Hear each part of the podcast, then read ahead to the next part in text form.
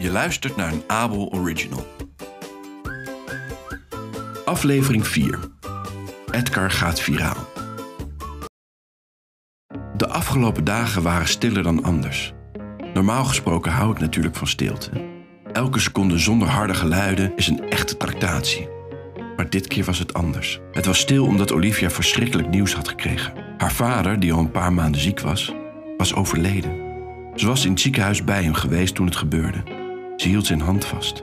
En sindsdien was ze thuisgebleven van haar werk. Opgekruld op de bank met Buster. Ik haat het om haar zo overstuur te zien. Ze was meestal zo vol warmte en energie, maar ze had nauwelijks een woord gezegd sinds het gebeurd was. Ze had er niet om gevraagd, maar ik was de hele dag en nacht bij haar gebleven. Ik had eten voor haar gemaakt, Buster te eten gegeven en haar een schouder geboden om op uit te huilen. Ik had haar vader één keer ontmoet, een paar weken geleden. En dat was een van de gelukkigste momenten in onze relatie tot nu toe. Hij had Olivia, mij en Buster meegenomen voor thee en gebak en samen maakten we een wandeling door de stad. Hij vertelde eindeloos verhalen over Olivia toen ze klein was en we lachten om alle gênante anekdotes en details die hij maar kon bedenken. Hij vertelde eindeloze verhalen over Olivia toen ze klein was en we lachten om alle gênante anekdotes en details die hij maar over haar kon bedenken. En hij was niet alleen leuk, hij was ook heel begripvol toen Olivia hem vertelde dat we dingen liever zo stil mogelijk hielden. Hij glimlachte zelfs, net als Olivia, en legde zijn hand op mijn schouder en zei: Ze heeft het van mij. Er is niets dat ik liever heb dan rust en stilte.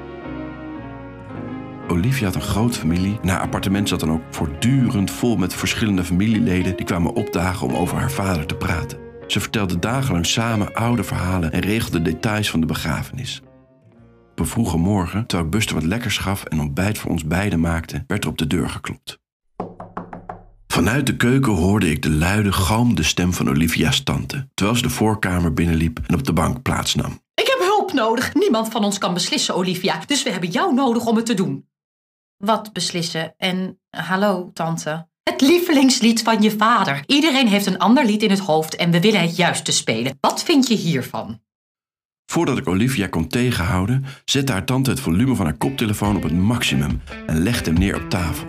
Meteen galmde rock en roll door de kamer. In de keuken waar ik eieren stond te roeren, hoorde ik de muziek meteen. Ik kon er niks aan doen.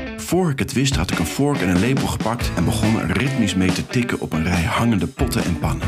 Met mijn voeten hinkelend van links naar rechts bewoog ik me door de keuken, trommelend met het bestek op elk oppervlak en met mijn heupen wiegend op de maat. Plink, plonk, ding, donk. Wat is daar aan de hand? Oh, niets. Dat is Edgar maar. Gaat het, Edgar? Terwijl ik mijn benen heen en weer schopte en op schalen en mokken tikte, riep ik terug: "Eh, Alles in orde!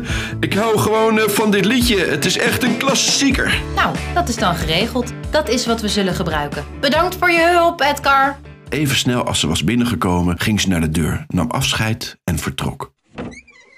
Toen ze de keuken inrende, trof Olivia me buiten adem aan. Eieren van de muur vegend. Ik had zo met mijn vork gesmeten dat het overal overheen was gegaan.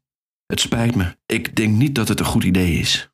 Het geeft niet, we ruimen het zo weer op. Eh, Nee, niet dit bedoel ik. Ik denk niet dat ik naar de begrafenis moet gaan. Ik kom er niet doorheen zonder te dansen. Wat zal er dan gebeuren? Hoe meer ik erover nadacht, hoe banger de gedachten me maakten. Mijn armen en benen vliegen alle kanten op, terwijl mensen hun respect betuigen aan iemand van wie ze houden. Ik begon al te zweten als ik er alleen al aan dacht. Er kon geen slechtere plaats zijn voor een man die niet kon stoppen met dansen. Toen ik naar beneden keek, zag ik tranen in Olivia's ogen. Ze knikte, maar ik kon zien dat ze van streek was. Nee, dacht ik. Ik moet gaan. Voor Olivia. Ik was gewoon verrast door dat liedje. Ik zal er zijn. Maak je geen zorgen. De muziek zal kort zijn en zo stil mogelijk. Ik weet gewoon dat je het kan en ik zal de hele tijd bij je zijn. We omhelsden elkaar terwijl we de eieren opschepten die mijn dansroutine had overleefd. Gingen op de bank zitten en genoten opnieuw van de stilte.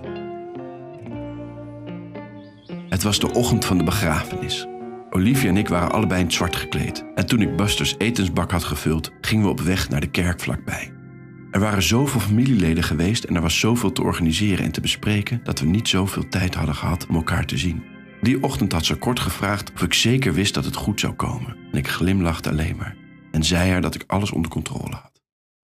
Vertrouw me, het komt wel goed. Ik ben hier voor jou. We liepen door de grote ingang van de kerk. Ik zag Olivia's familie met bloemen in de weer. Plotseling schrok ik op toen ik voelde dat Olivia mijn arm vastpakte en er stevig in kneep. Toen ik haar aankeek, had ze paniek in haar ogen. Ze staarde me ongelovig aan en wees naar de hoek waar een oud vrouwtje orgel stond te spelen. Ik hoorde de toetsen en ik pakte Olivia's hand. Ik draaide mijn hoofd opzij en onthulde zo mijn geheime plan aan haar. Oordopjes. De beste die er te koop waren. Ik had ze meteen ingedaan toen we aankwamen en ik kon helemaal niets horen. Een paar minuten later tikte Olivia me op de schouder en wees weer naar de hoek. Het oude vrouwtje was gestopt met spelen en dus haalde ik de oordopjes eruit. Ik deed het stiekem zodat niemand het zag. Ik wilde niet dat iemand anders zou denken dat ik hun niet wilde horen. Goed idee.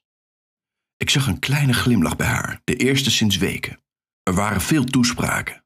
Wat een geweldige man was het geweest. Olivia stond op om een gedicht voor te lezen. Het was prachtig. Terwijl ik de tranen uit mijn ogen veegde, zag ik de oude vrouw haar handen optillen en haar vingers bewegen richting het orgel.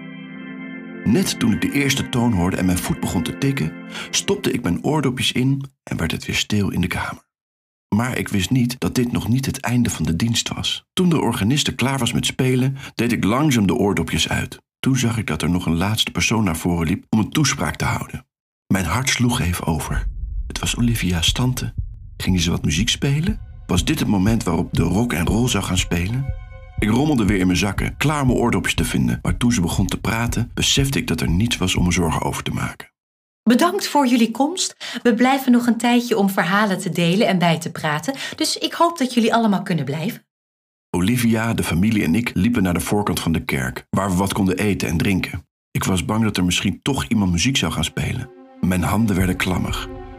Ik was bang dat ik mijn oordopjes niet zou kunnen dragen als iedereen met elkaar stond te praten. En dus begon ik Olivia te vertellen dat ik naar huis ging. Alsof ze mijn gedachten kon lezen, draaide ze zich naar me toe en zei: Maak je geen zorgen. Ik heb ze gevraagd geen muziek te spelen. Zo zou papa het gewild hebben. Een beetje rust en stilte voor ons om met elkaar te praten. Een golf van opluchting overspoelde me. En terwijl ik mijn oordopjes diep in mijn zak stak, haalde ik wat sap voor Olivia en mezelf en hief het glas op haar vader. Maar toen zag ik haar tante langzaam door de kamer lopen. Ik zag hoe ze in haar tas naar iets zocht. Ik zag hoe ze er een kabeltje uithaalde en die in haar telefoon plugde. Ik hoorde iemand een vraag stellen, maar ik kon niet stoppen met staren naar Olivia's tante. Ze stak de andere uiteinde van de kabel in de luidspreker van de microfoon en scrolde door haar telefoon. Wanhopig probeerde ik in mijn jasje te reiken, maar ik had mijn drankje nog vast. Edgar, Haar tante drukte op play. Het favoriete liedje van Olivia's vader schalde door de speaker. En toen, nou, toen deed ik wat ik altijd doe. Ik danste. In het begin leken de mensen verward. Ze keken naar me alsof er iets mis was. Sommige mensen leken zelfs boos. Maar er was niets dat ik kon doen. In slechts enkele seconden was ik volledig verloren in de dans. Ik gooide mijn drankje in de lucht. De sap viel over Olivia en haar oom heen. Al draaiend op mijn hielen maakte ik een rondje. Ik legde één hand op mijn heup en stak mijn vinger in de lucht en wees op en neer op de maat van de muziek. Al dansend gleed ik over het gangpad van de kerk heen. Als ik eerlijk ben, was het technisch gezien misschien wel mijn beste dans ooit. Maar van binnen had ik me nog nooit zo gegeneerd gevoeld. Het was alsof mijn grootste angst uitkwam. Het enige wat ik kon doen was naar Olivia's familieleden staren terwijl zij naar mij staarden. Niemand bewoog. Niemand maakte een geluid. Haar neven, een paar tienerjongens, haalden langzaam hun telefoon tevoorschijn. Terwijl ik trilde en schudde, in mijn handen klapte en mijn schouders heen en weer rolden, zag ik dat ze me filmden. Plotseling zag ik Olivia ademhalen. Ze haastte zich naar de luidsprekers. Met een dramatisch krakend geluid trok ze de kabel los. De muziek stopte meteen en mijn dansen ook. Maar in stilte voelde ik me niet beter. Ik voelde de starende ogen op mijn wangen branden. Ik kon maar één uitweg bedenken. Ik begon te rennen. Ik rende de kerk uit, de weg af en stopte pas toen ik met mijn gezicht naar beneden op mijn bed was beland. Dat was het dan. Ik zou nooit meer het huis verlaten. Nooit, nooit, nooit, nooit meer. Na een korte tijd hoorde ik de deur langzaam opengaan. Onder het dekbed vandaan zag ik Olivia op het voeteinde van het bed zitten. Ze legde haar hand op mijn rug, maar ik kon het niet opbrengen om haar aan te kijken. Het spijt me. Als je het uit wil maken, begrijp ik het. Dat moet het meest gênante geweest zijn dat je familie ooit heeft gezien. Kijk hier eens naar. Ze hield haar telefoon omhoog. Toen ik mijn oog op het scherm wierp, schrok ik. Ik was het, dansend in de kerk. Olivia had de muziek gedempt, maar ik kon nog steeds horen echoen in mijn gedachten. Waar heb je dit vandaan? Heb je neef het naar je gestuurd? Niet echt. Hebben ze het online gezet? Kunnen ze het weghalen voor iemand het ziet? Dat kan moeilijk worden. Zie je, het is viraal gegaan. Het is overal, Edgar. Duizenden views in de eerste tien minuten. Ik voelde alle kleur uit mijn gezicht verdwijnen. Dit was het dan, mijn ergste nachtmerrie. Als het helpt, mijn vader zou dit hilarisch vinden. Maar het hielp niet. Duizenden mensen hadden het al gezien. Er was geen ontkomen meer aan. Wat moet ik nu doen?